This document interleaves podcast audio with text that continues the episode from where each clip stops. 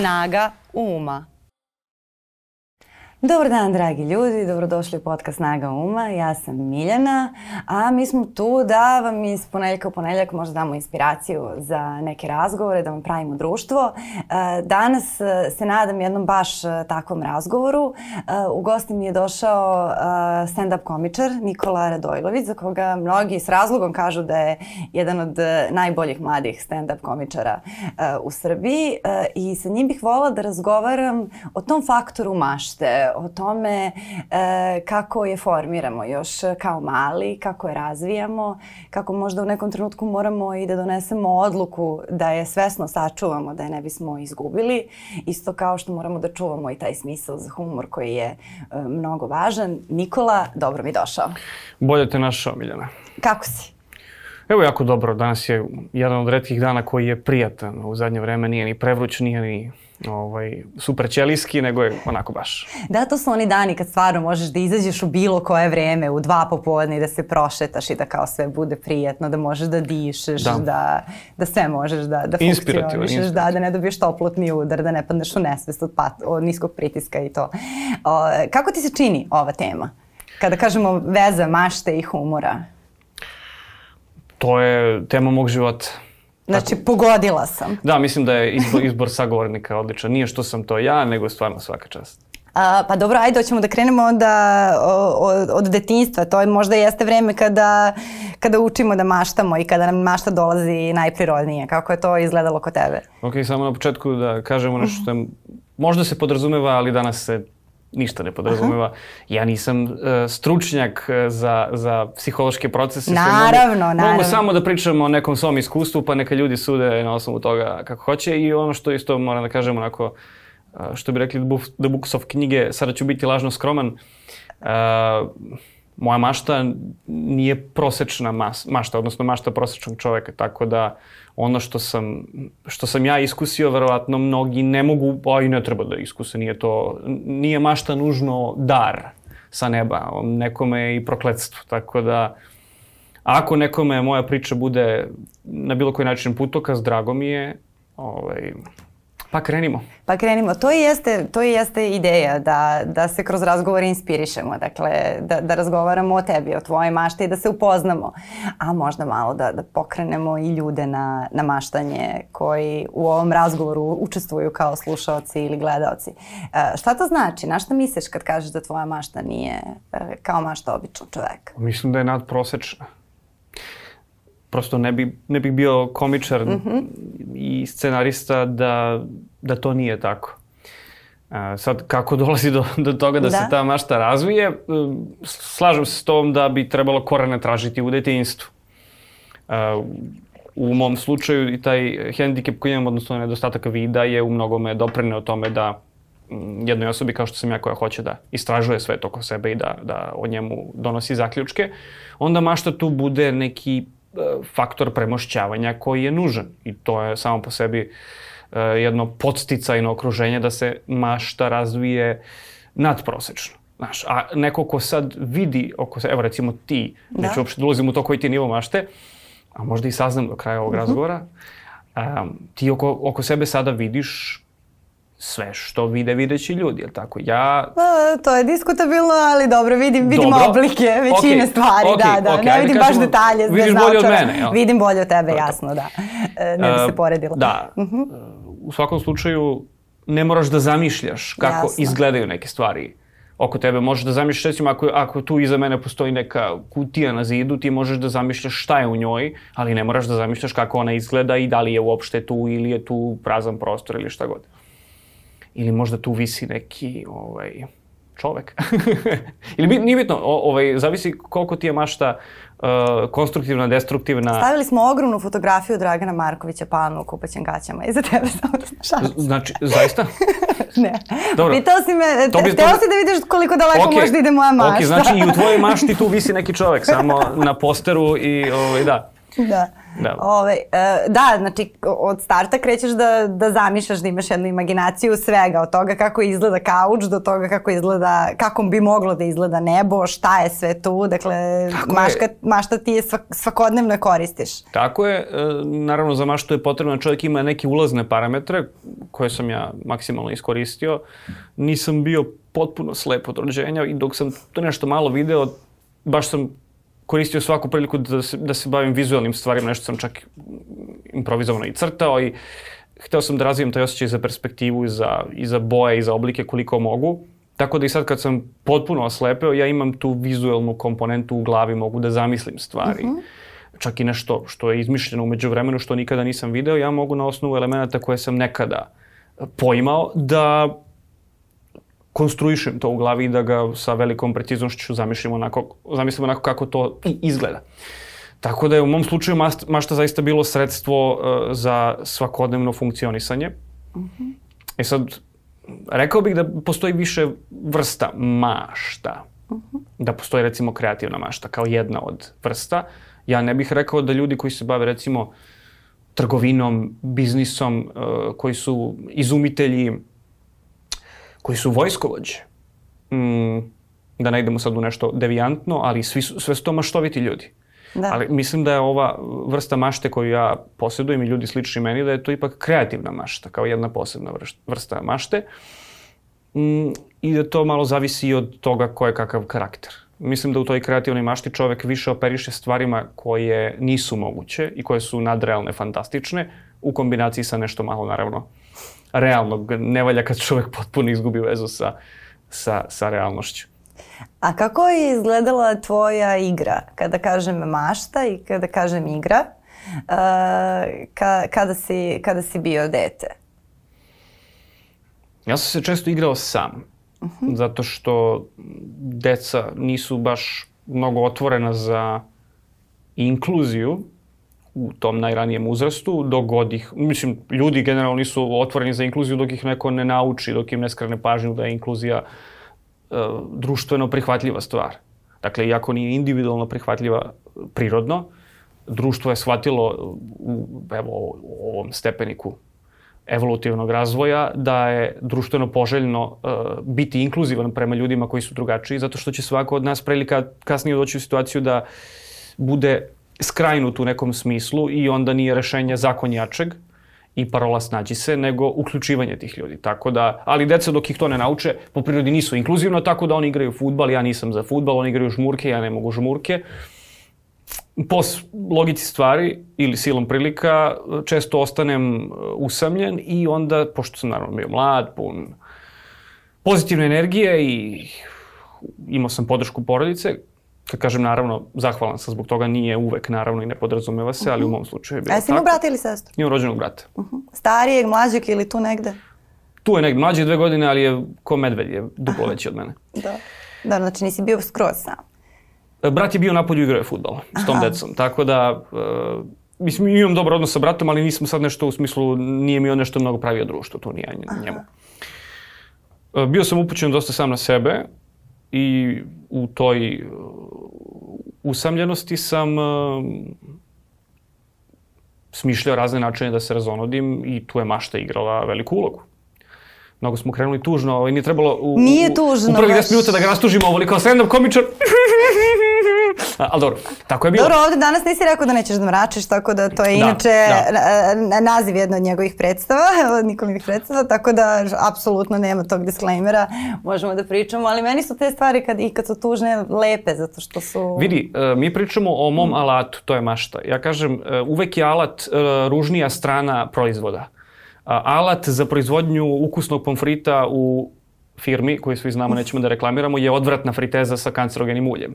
Alat za proizvodnju uh, najlepših pesama su odvratni producenti, tekstopisci, ono, računđije koji nemaju ni trunku te emocije koju kao pretaču na papir. To im je zanat. Znači, alat za, ne znam, što je rekao, rekao Bismarck, ako ste ljubitelji zakona i kobasica, idite samo i vidite kako se oni prave i prestaćete da budete ljubitelji. Tako da i, i tema mašte kao, kao alat komičara je, e, je priča o onom mračnijem delu. Tako da, da odmah kažemo ljudima da ne očekuju smehotres u ovoj epizodi, zato što, bar ne u ovom delu gde se bavimo tim alatom. Dobro, nije, nije, nije sad ovo jedan od tih razgovora, ajde Nikola, ajde Johnny reci nešto smiješno, nije to, to, to, to. Nije, to ta, nije to ta priča. I znači pričao si mi o tome kako, uh, kako si zapravo došao u tu, si, u, ti, u tu situaciju da tokom odrastanja budeš dosta sam i da maštaš, ne samo o tome kako izgleda svijet oko sebe, nego i ono što inače deca rade kroz igru, da, da maštaju. Tako je. Pa kako si, se, kako si se igrao, kako su izgledale tvoje igre? Si igrao superheroja, čega, šta je tu? Šta je tu sve bilo uključeno? Ma, se znaš, sećaš? Ba, ja se sećam nekih epizoda, neke od njih i prepričavam kao anegdote, kad ljudi kažu da sam jako pametan, inteligentan, ja im onda kažem, ispričat ću ti jednu priču, pa mi reci ponovo šta misliš o tome.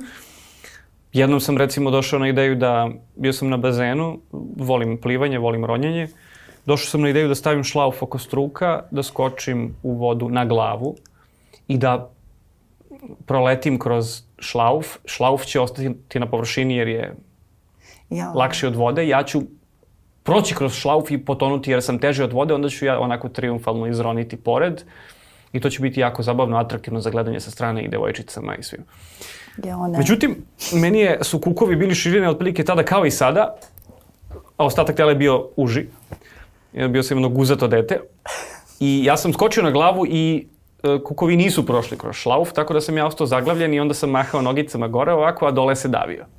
Joj, užas. I e, da bude još gore, to nije niko ni posmatrao, tako da sam ja par sekundi čekao da me neko spasi, onda sam shvatio da se to neće desiti. I onda sam se sam spasio. Nekako sam se okrenuo, sva sreća što sam, eto, dovoljno sam promislio o tome da kao ipak radim nešto polurizično i da kao, ok, znam da ronim pa ću se snaći i eto, moram sam da se snalazim. I evo, samim tim što sedim ovde danas s jasno je da sam se izvukao. Ali dobro, to je kreativno. Ma jako, jako, fenomenalno. Da stvarno probao da skočiš kroz... E, e, A koliko si godina imao? mo, desetak možda. Pa dobro, to su, to su te godine kada Kao- je kao potpuno očekivano od... 19 je. Ne, A- ne, to, tad je potpuno očekivano od dečaka od 10 godina da ne mora da, da pravi takve gluposti. Mislim. Da, da, i da ima malo uže kukove možda, ali ovaj, e, to, to, često iznevarimo očekivanja društvena i onda to, nas, to nam stvara boli. Evo ti još jedna epizoda. Uh, Johnnyjeva kafa, Da? to je, to je moja kafa kojom sam jednom obradovao svoje ukućane. Bio sam sam kod kuće, došao sam na ide, ideju da napravim suvu kafu, znači ide ovako recept. U džezvu staviš e, supenu kašiku kafe, soli, šećera i bibera. Biber je najvažniji sastojak. Promešaš to sve malo, staviš na ringlu, uključiš na maks i pustiš da zagori dokle može i kad već onako krene da pucka koliko je zagorelo, naliješ uh, 2 decilitra hladne vode preko toga i desi se ovo.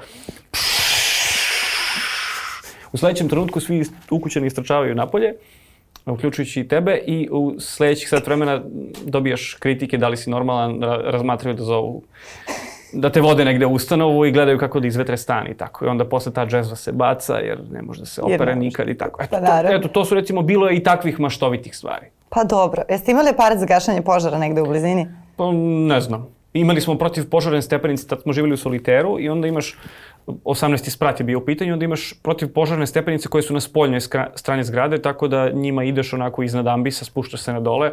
To je bila jedna od opcija, tako da... A koliko si ti tad imao godina? Jesi isto bio mlad ili je to već ne, to su neki ovi noviji radovi Ta, to, to je već Nikola Radojlovića? U sred puberteta je to bilo, pa je to bilo recimo 14-15 godina. Dobro, nije to ništa strašno. Ja znam čoveka koji je u 45. godini na usijalu ringlu krenuo da sipa šećer jer je mislio da je u njoj džezva, a u njoj nije bila džezva jer je bila na drugoj ringli, a on nije ni slep pa da ima opravdanje neke vrste i prosulo mu se zapravo cije- cijel šećer je prosuo na tu usijanu ringlu i onda se on šećer zapalio, dakle pojavio se ne samo dim, nego i fizički plamen koji je krenuo da se širi, da se penje maltene do plafona.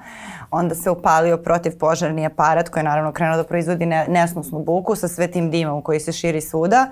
Onda je on umjesto da uzme protivpožarni aparat, aparat za gašenje požara, iz nekog razloga uzeo usisivač i usisao taj plamen. Tako da ljudi rade čudne stvari kad su ringl u pitanju, to mislim da je sasvim legitimno. Nije ti, nije ti to neko opravdanje za, ovaj, Koliko godina kažeš ima? 45. Jeste ostali zajedno?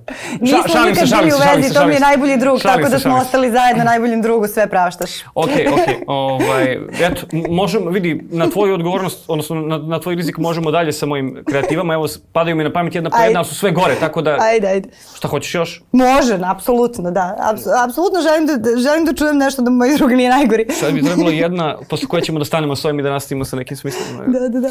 Uh, ja i moja prva ozbiljna devojka smo e, imali ovaj, e, neki čudni ritual da posle seksa... Uh, Hoće da stanem sad ili? Ne, Ovaj, sad kad si krenuo, sad nastavi. pošto smo, pa to ti kažem, to ne možemo sad stati.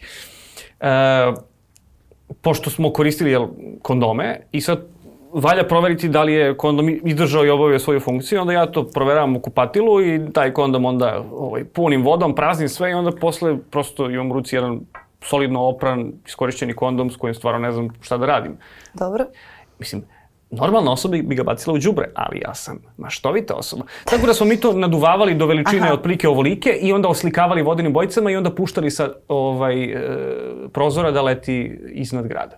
Ali to je vrlo romantično, jest, uvrnuto jest. na neki čudan Da, način. da, pa ima, ima maštovito je. Da, Da, zamisli da. sad neko u parku sa, sa, sa decom, šeta kuće, tu su neka mala deca i doleće onako, tata, tata, vidi balon. I tako da. Eto, možemo sad da stanemo s ovim. Možemo E, e, Mislim da je ovo, ovo je onaj trenutak da, se slavno Da, povučemo, da, ta- tako je, tako apsolutno. Ne, ne, trenutak je bio pre ovog primjera, Da, ali... pre ali, početka ali, epizode je bio Tako je. trenutak, ali sad je gotovo, tako, Tako da nema tako veze. Svi, svi smo naši, svi se volimo, svi, Tako se, e, svi se razumemo.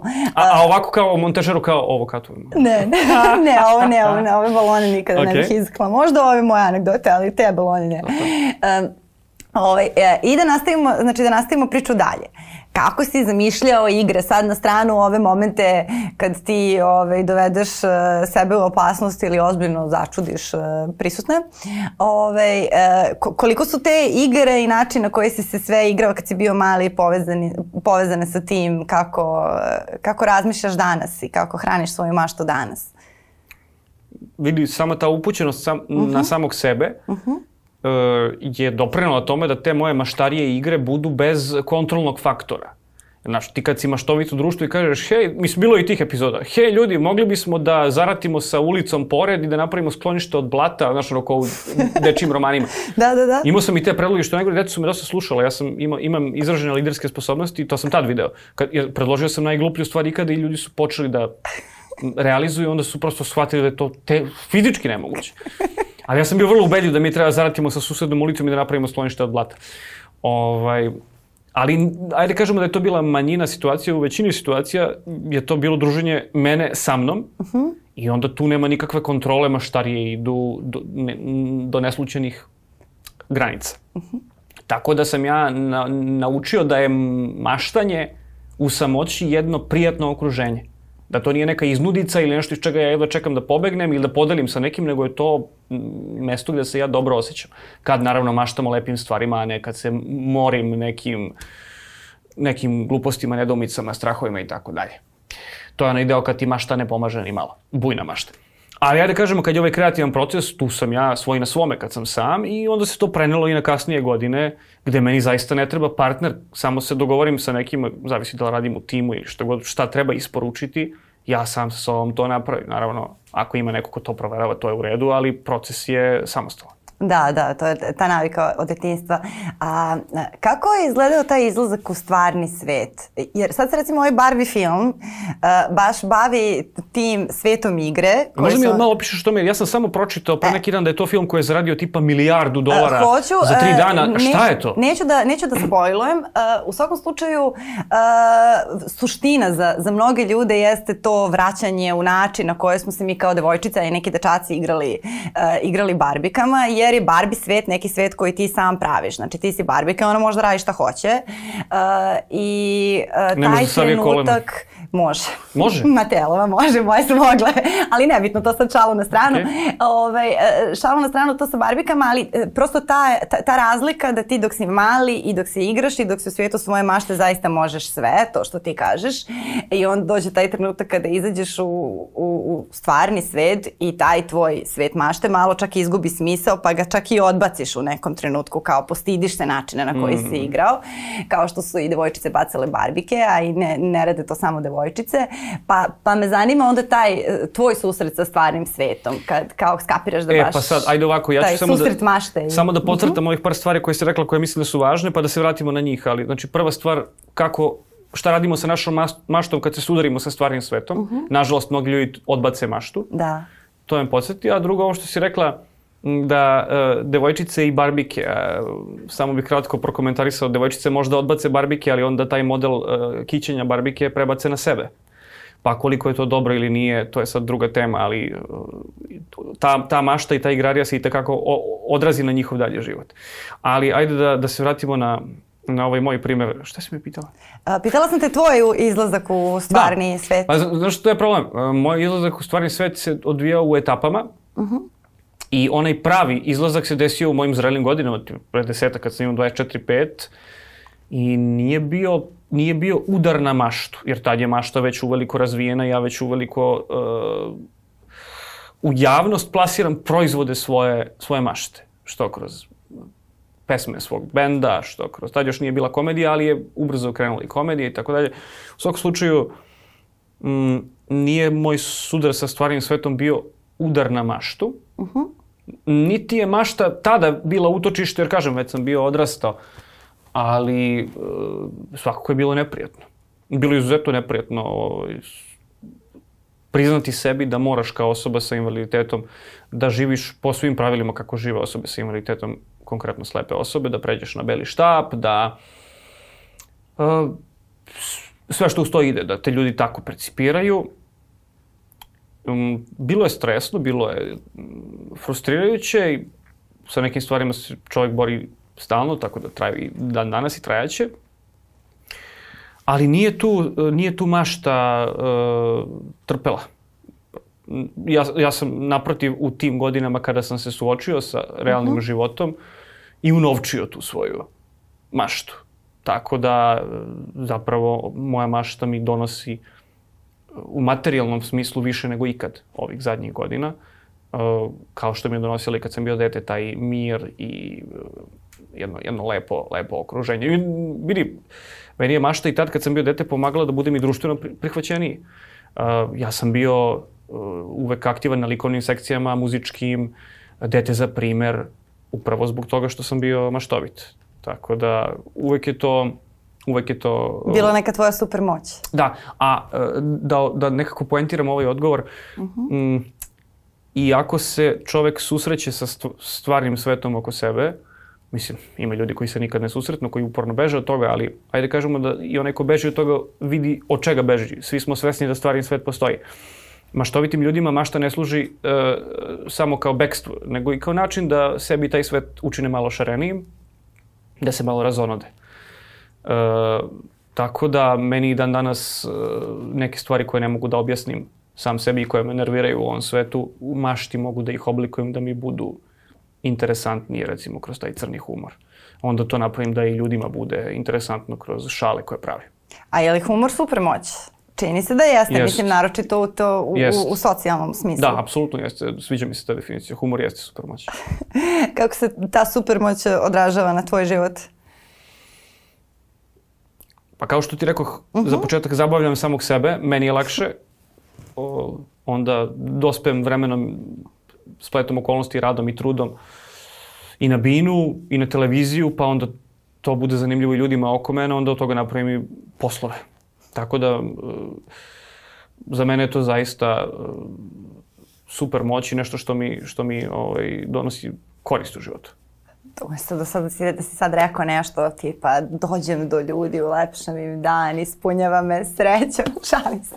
Pa, Ove, ovaj, bili... Ali to stoji, to se podrazumeva čekaj, u stvari. Čekaj, čekaj, čekaj. A, ok, sad ti nisi dobra, dobra, dobra primjer za to da ti pitam, jer i ti se baviš javnim poslom, ali da. čekaj, ajde osim javnog posla, kome ti ulepšavaš dan? Bilo kome ili dragim ljudima? Pa da, dragim ljudima. A jel bi ulepšavala dan ovako... O, o, diljem belog sveta putem medija za džabe. Da nemaš platu, jel bi ulepšavala dan ljudima? Pa radila sam to nažalost i bez plate kad sam počinjala, Ne, ne, tako da ne da je znam tvoj baš... dan upropašćen time što nemaš financije, jer bi onda, znači, tvoj dan je upropašćen, tvoj život je potencijalno ugrožen, a ulepšavaš dan drugim. A dobro, to su... Pa, znaš, tako ne da- možeš ti da ulepšaš dan drugim ljudima kada tvoj dan... Mislim, Tako je. teško je, Tako- teško je jako tako napraviti e, tu vidiš, moj dan je da. ulepšan kada e, vidim da ispred mene stoje ljudi koji su odvojili nešto od sebe, deo novca, vremena, pažnje, da, da čuju to što ja imam da kažem. Tada je moj dan lep i tad ja hoću da njima ulepšam veče. Pa dobro, to jeste nešto što vredi, tako da je to sve, Tako je. sve, sve jeste onako kako treba. A, a da li ti se čini da s godinama, ukoliko hoćeš da zadržiš tu maštu i tu igru, da moraš na tome aktivno da radiš? Jer se meni čini e, da, naročito ako nemaš decu, kad imaš decu, e, onda se ti nužno, e, uglavnom, igraš sa decom i onda je tu njihova mašta, pa te onda oni ovaj, održavaju e, u, tom, u tom svom svetu, to je normalno i prirodno. Ali ovako bez dece nekako, da li ipak e, je potrebno tu da se napravi neka svesna odluka, ok, ja neću da dozvolim da me neki taj svakodnevni ritam oduzme i da prestanem sebe da iznenađujem. E, pa vidi ovako, više slojno je pitanje. Mm. Ajmo ovako, da pođemo od ovoga. Detinjastost nije jednako mašta. Dakle, Da. mi, mi, mi imamo neke stvari koje smo ka, kao deca ispoljili, to je naš suvi karakter, ne, ne, neoblikovan ili neukaljan spoljnim uticajem. I suštinu toga svako treba da zadrži za sebe zato što je to ono što je naša istina.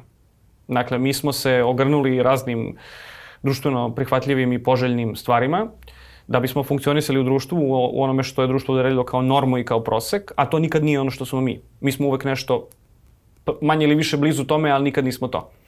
I e, zato svako od nas treba da što više osvesti šta je njegova suština, a ona se ispoljava kad si bio malo dete. I ako shvatite da je vaša suština da se goli valjate po travi, onda treba da, iako radite možda u nekoj korporaciji, da odvojite jedan dan za sebe nedeljno kad ćete se sami negde valjati goli po nekoj travi, a da vam to ne naruši ugled i tako dalje. Tako da to je to dete u sebi koje treba sačuvati. Ne znači da je to dete premaštovito. Ja kažem, u mom slučaju i u slučaju uh, nadprosečno maštovitih ljudi, to je mašta. Ali zaista ja znam mnoge divne ljude uh, do duše, moji prijatelji su svi redom i maštoviti, jer imaju umetničkog dara svi, sad kad pomislim. Ali nisu svi ljudi takvi, a nisu ni svi dobri ljudi takvi, kreativni i maštoviti. Tako da, ako neko nije maštovit, nema šta ni da čuva od, od propadanja, neka čuva neke druge vrednosti koje, slažem se, e, svakodnevnica i rutina ubijaju. Što se tiče baš maštovitih ljudi, na mom primjeru bih rekao da zaista mašta ne može da se izgubi. Ako je čovek iole u kontaktu sa sobom, on će na sve oko sebe reagovati maštanjem ako mu, ako mu je takva priroda. Tako da, e, mi, mislim da mašta ne može tek tako da se potroši, da se, da se stavi u drugi plan. I ako neko suzbija svoju kreativnost zarad e, nekih drugih stvari, bilo kojih, pogotovo materijalnih, mislim da, da pravi veliko nasilje i greh nad svojim talentom. Tako da, nemojte to raditi, ljudi. Dobro, da, tu, tu postoji i ona teza da, da nijedan talent nismo dobili bez razloga i da to nije nikakvo religijsko sada e, tumačenje, nego da, da naprotiv svaki veliki talent koji neko ima uglavnom služi kao ventil, emotivni, psihološki, ima vrlo važnu psihološku ulogu e, i to se čak i tretira kao tumačenje e, nekih nesrećnih sudbina umetnika koji su, na primjer, odbacili svoj talent ili išli protiv njega direktno. Mislim, toga imamo u, u raznim sferama kreativnosti, tako da to što si rekao mislim da je onako istinito na, na mnogo nivoa. Tako je, uh može uh, maštovitost i da se zloupotrebljava, kao što sam naveo par primjera. Ja to ne bih radio, ali uh, izbori su, izbori su različiti, tako da svakako mislim da je mašta potreba, a ne neki ideal. Ja imam potrebu da budem maštovit. I onda ne mogu ja to da zapostavim ni u, da, da, me, da me staviš u zatvor. Puf, u zatvoru bih tek ono, ko Borislav Pekić. nema, nema okolnosti u kojima ti meni možeš da suzbiješ maštu. E, evo, baciš me na dosadan posao, ja radim administraciju, to je sam po sebi dosta repetativan posao, uh, suvoparan, E, to meni ne ubija maštu, ja koristim naprotiv svaki slobodan trenutak da nešto zapišem što mi pade na pamet, da se razonodim i onda posle to razrađujem, eto ti mašte. Imam neki problem na ulici u komunikaciji s ljudima, neki problem ovako privatno, opet mašta kako to rešiti. Uh, ne vidim situaciju u kojoj bi meni mašta mogla da se ugasi. Da, to, ne, to, to je divno, ali uh, vola bih možda i da prikažemo to kako, uh, kako to zaista možda jeste neka vrsta ventila. Pošto si mi rekao sad pre početka epizode, uh, fizički gledano nastupi sve vrste, to znam i iz razgovora sa glumcima i sa predavačima. Ti kada stojiš na jednom mestu i svi gledaju u tebe i to traje sat, dva, to je fizički i naporno. Ali ti si opet, ti si rekao to što kažu isto mnogi izvođači, da čak i kada ti je loš dan, kada odeš na stand-up, posle toga se osjećaš bolje, jer to taj kanal, jer to, jer to taj humor koji te u stvari opravi čak i kad nisi do kraja kako treba. Pa da, to je, to je pozitivno dejstvo ne samo humora, ja kad nešto izvodim 50. put već uh -huh. tu za mene komični efekt ne postoji, znam da, sve šta da, će da. da se desi, osim ako me neko iz publike ne zabavi nekim komentarom pa tu bude improvizacija, dešava se uh -huh. i to. Ali ti nastupi nemaju toliko veze sa maštovitošću, mora sam ovo polako da izgovorim, nego sa javnim nastupanjem pred ljudima. To mene ispunjava, to me zadovoljava, hrani moj ego svakako, to mi donosi prihode, to podiže moj društveni ugled. I na kraju krajeva dobro se osjećam. Ja naravno da ne mogu da u glavi, da mi otkucava kasa dinare i ne znam, potencijalne ovaj, broj obožavatelja i obožavateljki u DM-u, pa da mi kao zbog toga bude dobro. Naravno da mi je dobro samim tim što to radim. E, I da se posle toga dobro osjećam. Ali to su produkti mašte. To je ono što je što sam ja dobio kao nagradu za to što sam pustio svojoj mašti da se razmaše. A šta te... A, ali dok, dok sam maštovit, ja nemam u glavi, uh, sad moram da napišem ovu jako dobru foru da bih e, zaradio, dobio, fascinirao. Ne, u tom trenutku čovjek mora da bude zaista iskreno samo da ima potrebu da bude e, da zabavi samog sebe. I ako je iskren, dobit će nagradu. Ako je tu uh, halapljiv, pa ako je dobar zanatlija, možda može neko vreme da... Da štancuje. Da, da štanca, tako je, ali to je već problematično, ali vremenom će se svakako samo praviti ovaj, sve loše i lošije stvari. To će ljudi osetiti, onda neće više ni imati korist od toga i to ide na dole. Pa da, ali to, to je recimo fascinantno koliko je slično uh, za, različite, za različite profesije. Ti imaš profesionalne sportiste uh, koji kažu da, ne znam, im je nivo igre opao zato što su prestali, ne znam, da se igraju na terenu kao što su igrali basket iza kuće i tako dalje. I da su najbolji oni koji pristupaju tim najvećim utakmicama na isti način na koji su pristupali mal, maltene uh, de, dečijoj igri. Koliko je to, mislimo, to su potpuno ove kre, kreativa, mašta, ovo je... Ovaj, pa evo imamo primjer skroz druga. Mhm. Nikola Jokića. Da, baš mi je on pao na pamet. Ovaj, ja, se, ja se deprimiram stalno kad shvatim da taj čovjek ima 7 godina manje nego ja. To je jezivo. Da, to je onaj tvoj užasan odnos prema mladim sportistima koji su postigli toliko. Tako je, tako je. da. to, je to, je, to je katastrofa za, za mene kad se uporedim. Ali eto, on je, mislim, nisu svi takvi, neki drugi sportisti su e, e egomanijaci, pa onda ali i oni se igraju, oni se iživljavaju, oni, oni uh mhm. -huh. se e, poigravaju sa protivnicima i njih e, ta, taj osjećaj nad, nadmoći, e, dosta su futbaleri takvi, o, ovaj, njih taj osjećaj nadmoći e, motiviše, ali opet se, se poigravaju kao igra mačke i miša. Jokić je recimo kreativac koji baš tako igra se i kombinuje, radi neke sulude poteze i bukvalno to je njegova glavna snaga, nije ni, ni, ni brzina, ni, ni od, skok, ni ne znam, neke, neke druge defanzive, nego upravo ta kreativa i to je zato tako, tako atraktivno ljudima i tako je ovaj, nesvakidašnji. A, e, a sada pomenuo si e, onu drugu maštu koja ume da nas obuzme, tipa kad legnemo da spavamo i pokušavamo da spavamo i tako dalje, da. e, koja nas odveze u totalno drugom, drugom pravcu. Dakle, ne mogućnosti, nego mogućnosti za nešto loše. Za patnju, da. I nije da. samo kad legneš da spavaš, probaj da ne gledaš u telefon ili da kad se voziš autobusom ili čime god da ne slušaš muziku. Uh, ostaćeš samo sa sobom pre ili kasnije i onda ti je isto ovaj, Tako da može u bilo koje doba dana. Uo, da ja radim, ja izmišljam scenarij u autobusu. Odlično.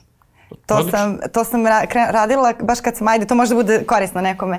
E, I za ta čekanja u redovima, za sve te dosadne stvari da ti sad sediš i čekaš da nešto prođe, gužve u saobraćaju. E, kad, sam, kad sam bila baš ono mlada učenica imala sam te fore da budem ja, baš ono kao prva godina glume, ja u datoj situaciji. Šta bi sada bilo kad bih ja imala super moći i mogla čitam misli? Šta bi bilo kad bih ja mo, radila ovo, bila znači, na tajnom zadatku? Da, ali to je, to je inače vežba za, za pise. To, mislim, to sam posle saznala uh, i, i kada sam malo i čitala o kreativnom pisanju kojim se, kojim se inače bavim, onda sam krenula, dobro, šta kada bi ovaj autobus mogao da putuje kroz vreme, pa je ova žena ušla u pogrešnu stanicu i sada umesto da se vrati unazad, ona će da ode napred i onda tako mi prođe vreme lagano. To je super, tako znači... to i treba. Ja, po, mislim, sad, sad bih rekao ja podržavam, ali to je nešto gde čak ne možeš nikoga da podržiš. To da. neko ima potrebu da to radi ili nema.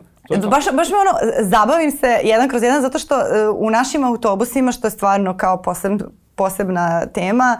E, ja ne mogu da slušam ni podcaste, ni muziku jer ih ne čujem od buke autobusa. Da. Vrlo često mi je ta, kao da kažem, maltene ne, neizdrživo, samo mi pojača buku i onda sam se vratila na, na old school, kao klinka kad ja, bila. Pošto imam i taj, mm -hmm. ovaj, izvođački uh, impuls mm -hmm. i mhm. naboj, ja recimo imam potrebu u tim situacijama neretko da to što fantaziram pretočim i u realnost. Pa onda kažem, ok, e, ova žena koja je sad ušla u autobus, ako bih ja njoj rekao to i to, mogu bih da pokrenem razgovor u tom i tom pravcu i da onda neka, neka smešna situacija. Ili često mi ljudi daju povoda nekim svojim besmislenim reakcijama i onda ja to volim da izvrćem na šalu, to je isto ma, maštovito. Kako I, to Imaš neku sad skoro koja ti je ostala upamćena? Imam, imam, evo i od dana sam primenio, to je moj, moj najnoviji način da ljudima objasnim ovaj, jednu, jednu poučnu stvar. Uh mhm. -huh. Kad me neko u autobusu uhvati za ruku, najčešće me uhvate za podlakticu i dobro, ovaj čovjek danas je bio uljudan pa je uhvatio me za ruku i pitao je treba li pomoć. Ali obično me ljudi samo uhvate za ruku. I to je to. On je naumio da mi pomogne, on je procenio da mi pomoć treba, nije pitao ništa, samo me uhvatio za ruku. I ja hoću ljudima da objasnim da je to telesni kontakt bez dopuštenja. I onda šta radim? Drugom rukom u kojem je štap, nekako stavim štap sa strane i tom svojom rukom njega milujem po ruci kojom drži moju ruku ovako, ali to jako seksualno radim. I onda, dok ta, to, to su sekunde u pitanju, onda ta seksualna tenzija raste i u nekom trenutku dođemo do toga šta tu ko kome radi. I onda oni, oni trgnu ruku i onda ja kažem, jel sve u redu? I onda kao, pa ja sam htio da ti pomognem. Ja kažem, pa ja sam vama. I ne samo da sam htio, ja sam vama i pomogao. Ovaj, pomogao sam da shvatiš da neću da me pipaš manijače jedan i da me ponižavaš kao ti znaš da meni Jeste, treba pomoći. Da. Tako da, ovaj, ne, jedan tako zanimljiv način. Ali ne znam, što, ne, ne znam kako se to zahvatilo kod ljudi, zašto to ljudi rade. Meni se to desilo, ja sam sa Sandrom Silađev radila onaj reality, ali nisam radila reality Beli štap, to nisam probala u kolicima. Uh mhm. -huh. Či ja idem, vozim kolica, gledam svoje posle, samo neko dođe krene da me gura u pravcu u kom ta osoba hoće. Ja kao, ni dobar dan, ni ja sam taj i taj, ni da li hoćete pomoć, ni vi hoćete da idete preko ulicu, nego samo kao krene da te... Zato što ne uvažava Da sam gajbica, da. Da, ne, ne uvažava tvoju ličnost uopšte. Da, to je, da. Zato što si... Uh, Nema svesta uopšte da ja imam neki telesni integritet, da imam da. neki pravac kretanja, nemaš, nemaš, neku nemaš. nameru, nešto, da. Da se vratimo na, na, mm. na priču s početka. Zašto je, zašto je društveno prihvatljivo da, da budemo inkluzivni prema ljudima. Da. A inkluzivni znači da ih prihvatimo takvi kakvi jesu. Za, upravo iz tog razloga, zato što mi trenutno živimo u svetu mislim i u, globalno, a i u Srbiji pogotovo, gde ti onog trenutka, kad, e, prvo sve je dostupno svima. Dakle, omiljeni program na televiziji je reality gde ti suštinski gledaš drugi ljude u njihovoj privatnosti. Ne, naravno, znamo svi kako, da je to sve namešteno, ali to je kao koncept. Gledaš kroz špijunku druge ljude dok rade ono što se radi u, u privatnosti. Dakle, mi smo takav narod koji voli da se meša u svačije, da gleda svakome u tanjer, svakome u džep da zaviruje u spavaću sobu i nema ništa što je tvoja stvar, sve svakoga treba da zanima. Uh, istovremeno, svako je podložan pljuvačini, e, kritici, e, osudi, e, kako god. I onda kad to spojiš dobiješ da niko nema integritet, nego da je samo pitanje koliko, si, koliko ti je oslabio odbrameni mehanizam i kada ćeš postati žrtva hijena oko sebe. I to je to. Ljudi sa invaliditetom su prosto, aha, onaj tamo ne može da se izbori za sebe kao svi ostali, znači njega treba, po mom nahođenju ja treba, znači evo ja sam dobar čovjek pa ću da ga preguram preko ulice, iako nije ni tražio, da sam loš čovjek ja bih ga gurno pod autobus, ali svakako je odluka kod mene, a ne kod njega, jer on je slabiji. To je to. Ja kad budem slabiji, uzmite deco malj i ovde me ovako udarite, jer ja neću da trpim da neko drugi bude jači od mene i da budem nekome na milost i nemilost. To ti je kod nas. Ne, Yes. Kod nas ne postoji svest. Ajde da napravimo sistem takav kad neko od nas oslabi, a oslabi će svako s godinama, ako ništa drugo od starosti, da bude da živi kao čovek. Ne, nego kad oslabim, samo me ovde ovako, da se ne mučim. Jer znam da ću da spadnem na, na ovo, Na milosrđe, Tako da, je. da, jest. na milost ili nemilost. E, Jeste. to je Jeste, isti sam osjećaj imala i to mi je baš bilo vrlo čudno zato što mislim ja sedim u invalidskim kolicima iako ne moram da sedim, to je eksperiment, ogled je, tu sam dva sata, nisam 12 godina, ali opet, kao da ti neko rukom odnese to nešto što nisi, ni, čega nisi ni bio svestan ranije potpuno te drugačije gledaju, gledaju te kao uđeš u prodavnicu da kupiš vodu, gledaju te kao da si Marsovac, kao jao vidi koja carica, žena dolazi. Mhm. Da, ti si, kao, tu, "Joj, ti si tu atrakcija. Da, ja sam kao koja Cirkus. carica, na, vi kako je izašla, kao To, to, kupujem to, vodu. hi- hipsterski. Da, da, ne možeš uopšte Zašto da... su naši penzioneri... Kako buntovnica. Naše penzionere ljudi, Mm. ljudi ne vole. Kažu da su bahati, e, bore se za mesto u autobusu. Zato što su ljudi nezadovoljni jer oni postepeno padaju u nemilost društva. A nekad su bili glavni. Jest. I pa, padaju u tu nemilost i ne čeka ih neko humano društvo, nego ih čeka surovo društvo i onda oni ljudi sa tim, to malo dostojanstva što im je ostalo, reaguju tako što se bune, namerno je se inate za neke stvari i prosto to je njihova prirodna reakcija jer znaju da će vremenom samo biti gore. Takvi nisu penzioneri u Japanu i u Nemačkoj. Da, to je... Tamo se najlepše živi kad odeš u penziju i onda u miru krckaš ono što si zaradio. Kod nas znaš da te čeka i onda ajde malo i ja da se iživljavam kad se već oni iživljavaju na meni. Da, to jeste neki odvremeni mehanizam, verovatno. I, jer, jer ti onda koliko toliko kad si namćar imaš kol, neku, makar kol, To je kontrolu, bar makar neki se, integritet, da, bar je nešto kao ti je ostalo da se da, koprcaš. Da. Makar, makar ne moliš uh, za, za tu milost, nego, nego si to potpuno, potpuno to mogu da razumem. I to je baš proces generalno mirenja sa tim, jer svi mi imamo neku ne svi, ali većina ljudi ima nešto, neku tačku po kojoj je diskriminisan. Apsolutno. To- Svi, svi smo potencijalno Da. žrtve diskriminacije, neki ljudi su samo tome izloženi, ali svi, svi, svi imamo lična svojstva Mhm. i na, bilo, na osnovu bilo kog ličnog svojstva ja mogu da te diskriminišem, da te vređam, da te uh, isključim iz nečega. Naravno, to je protivzakonito, ali ljudi to rade. protiv zakonito, samo što je samo finansijska kazna, nije neka ozbiljna. I, i, to, je, to je priča. A kako, uh, mislim, ja znam recimo kako, koliko je kod mene to bio proces, uopšte prihvatanja sveta, to koji otkriješ, koji je diskriminatoran, tih razlika koje možda u domu nisi imao. Znači, sve te stvari, kad si dete možeš sve u tom svetu mašte. Kako si to prihvatio i ti opet, ipak svojim načinom života to menjaš na svoj način tu i jedna- svojim radom i svim. Da, Da. Mhm. postoji jedna bitna stvar uh -huh. koja povezuje temu mašte i diskriminacije. Čovjek da, da bi shvatio kako je nekome koga diskriminiše ili koga, kome hoće da pomogne da ne bude diskriminisan, on mora da zamisli kako je njemu. To je ono staviti se u tuđe cipele. Ti to ne možeš bez mašte. Dakle, empatija podrazumeva maštu. Samo što ljudi kod nas, kad zamisle kako je nekome, oni zamisle sebe u toj situaciji momentalno i osete strah i onda kažu ja svaka čast njemu, ja bih se ubio da imam taj problem. Ne mogu, zato što nemaju dovoljnu, e, dovoljno razvijenu maštu ili prosto ih ne zanima da za, shvate da ta osoba isto ima e, različite stvari u životu, da mnogi od njih nisu tako crne. Nemaju ljudi vremena da se time bave. Tako da za empatiju je svakako potrebna mašta, a, a za funkcionalno društvo je potrebna empatija. Tako da eto, došli smo od toga da preveliki nedostatak mašte može do, ugrožava celo društvo. Na kraju krajeva ti ako maštaš, ako ti se mašta svodi samo na kombinovanje onoga što je realno moguće, tebi onda sa godinama mašta slabi. Jer ti što si stariji sve manje stvari možeš. Šta to znači? Ako imaš, dođeš do 90. godine, onda ne maštaš ni o čemu. Hraniš golubove, čuvaš unuke i nikom ništa. Pa nije tako. Nije tako. Ljudi su i, i pisali u dubokoj starosti. Znači, apsolutno mašta podrazumeva jednu duhovnu širinu. Dakle, ne kombinujem samo stvari da bih nešto postigao, nego zato što, zato što je ovo što mi živimo i sve što uradimo u svakoj sekundi je jedna od bezbroj mogućih opcija. Naravno, dosta tih opcija je besmisleno i štetno. Obično uradimo ono što je najbolje za nas u tom trenutku, obično. A mašta nas vodi u te ostale mogućnosti, ono što ne radimo ovog trenutka, a moglo bi da se desi. I to ne sad da bih se kajao, i to nego prosto eto, za, zabavno mi je da zamišljam ono što ti rekao, šta bi moglo još u ovom trenutku da se dešava negde nekako ili Nije moguće, ali bi bilo zabavno da može. Tako da mašta čoveku daje jednu duhovnu širinu i kad se raspravljaš sa nekim, ako si maštovit, ti znaš da je to što ti raspravljaš sa nekim jedna od stvari koje možete da radite u tom trenutku.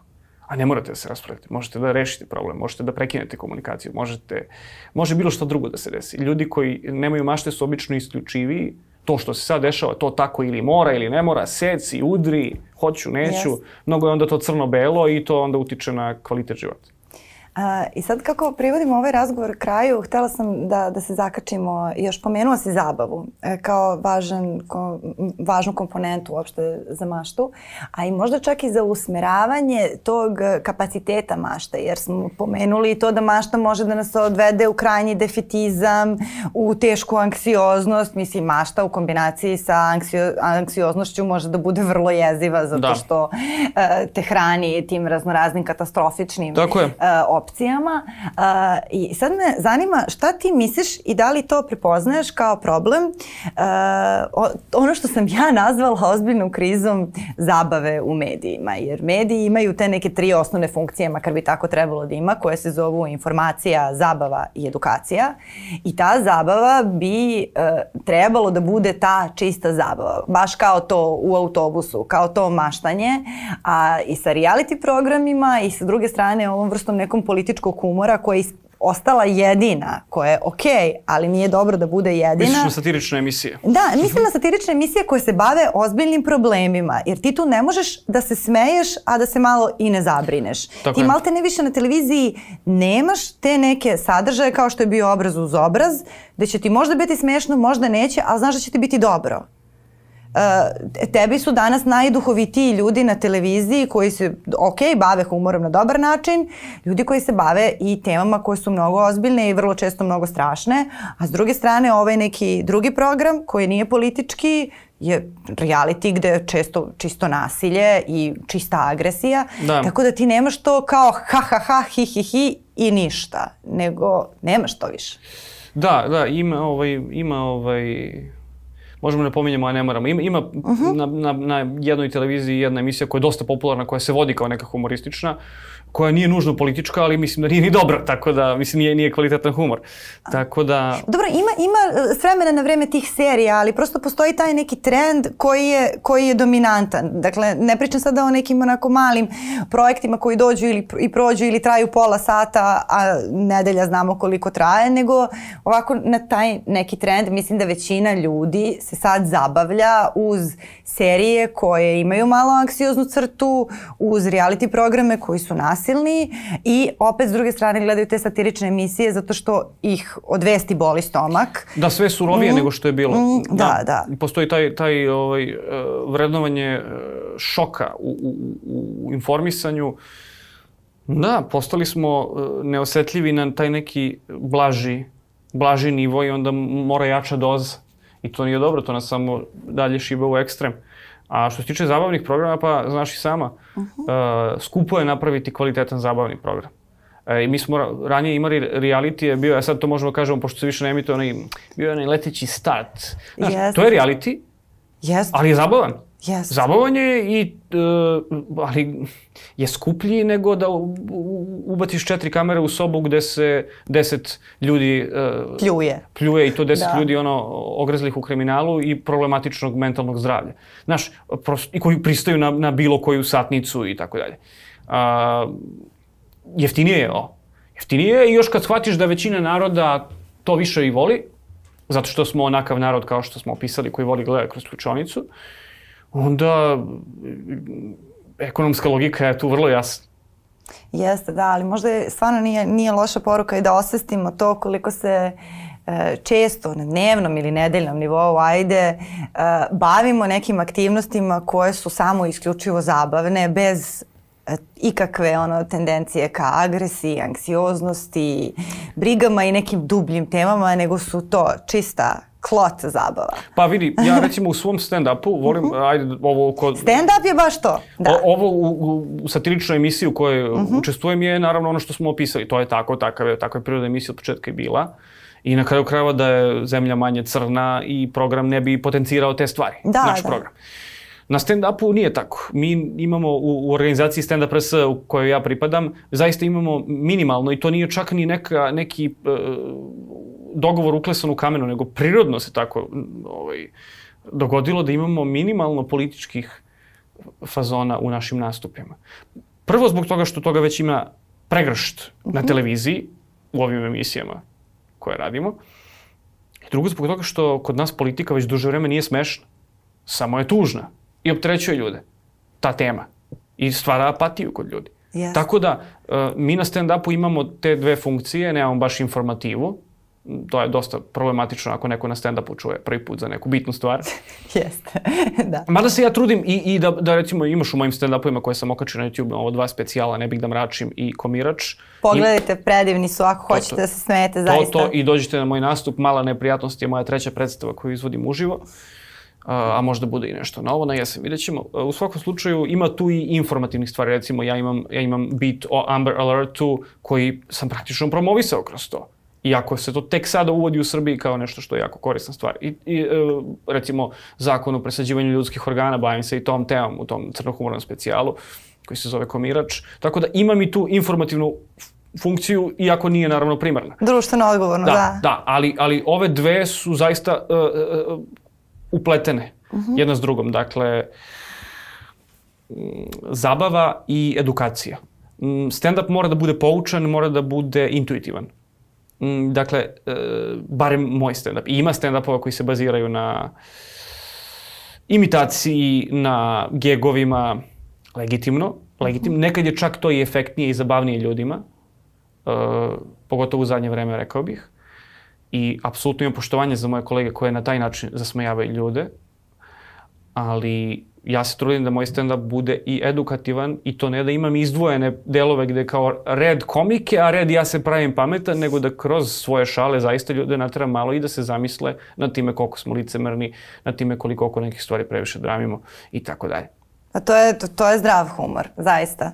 Ove, I hvala ti mnogo na razgovoru, priveli smo kraju.